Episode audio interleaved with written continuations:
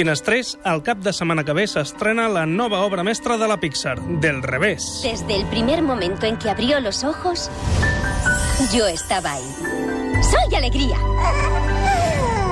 Riley. Eres la viva imagen de la alegría. Fue increíble. Bueno, durante 33 segundos. Soy tristeza. Un film que des de dins del cos humà ens mostra com funcionen els sentiments d'una nena petita.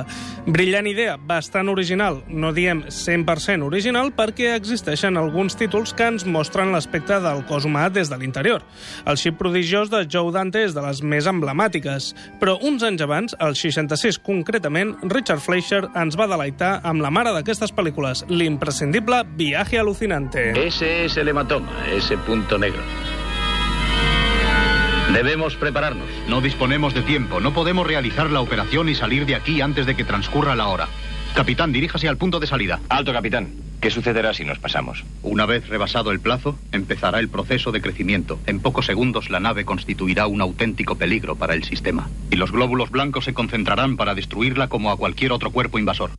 Doncs sí, li dediquem a aquest film de culte l'última edició de la temporada de... La dada de la finestra. Richard Fleischer va arribar a començar estudis de medicina que el podrien haver ajudat en el moment de rodar aquesta pel·lícula. A les escoles de medicina es van fer servir escenes d'aquest film fins a ben bé principis dels 80, especialment per mostrar coses sobre la immunologia. Se li va demanar a Isaac Asimov que escrigués la novel·lització del guió. Es va negar dient que el guió estava ple de forats. Li van donar permís per canviar les coses que considerés pertinents. El rodatge es va haver d'endarrerir perquè volia que sortís abans el llibre que la pel·lícula.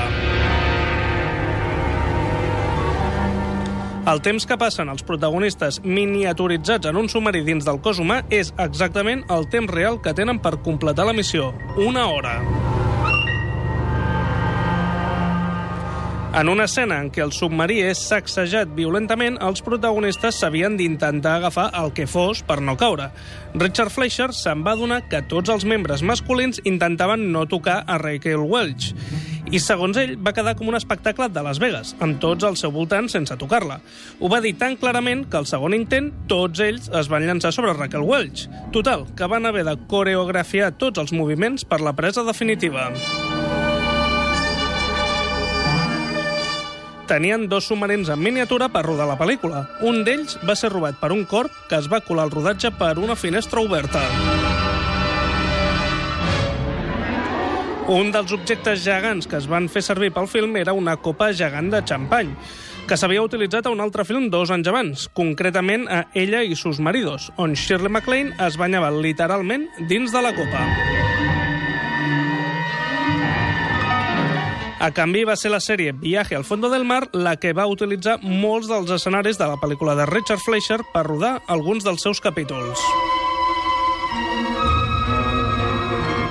Els efectes de so dels crèdits inicials van ser extrets del film del 1957 Su otra esposa, un film que parlava sobre la computerització d'una empresa de comunicació amb Spencer Tracy i Catherine Hepburn de protagonistes.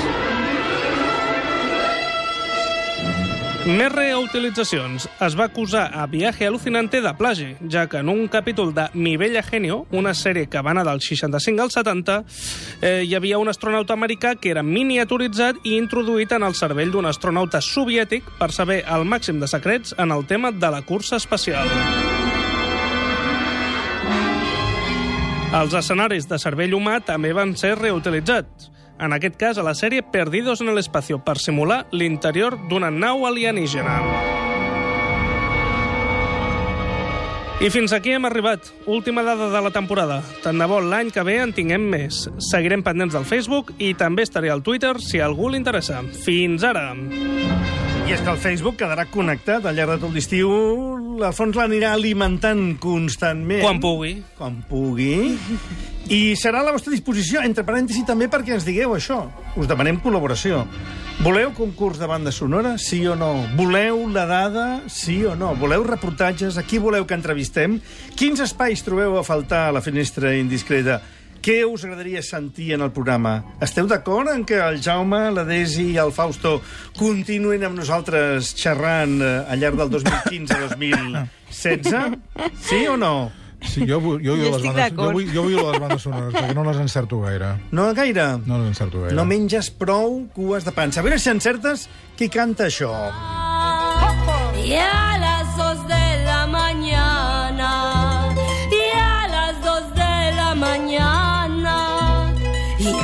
qué bonito es volar, ay mamá, volar y dejarse caer en los brazos de... És Frida Kahlo, però en realitat qui és?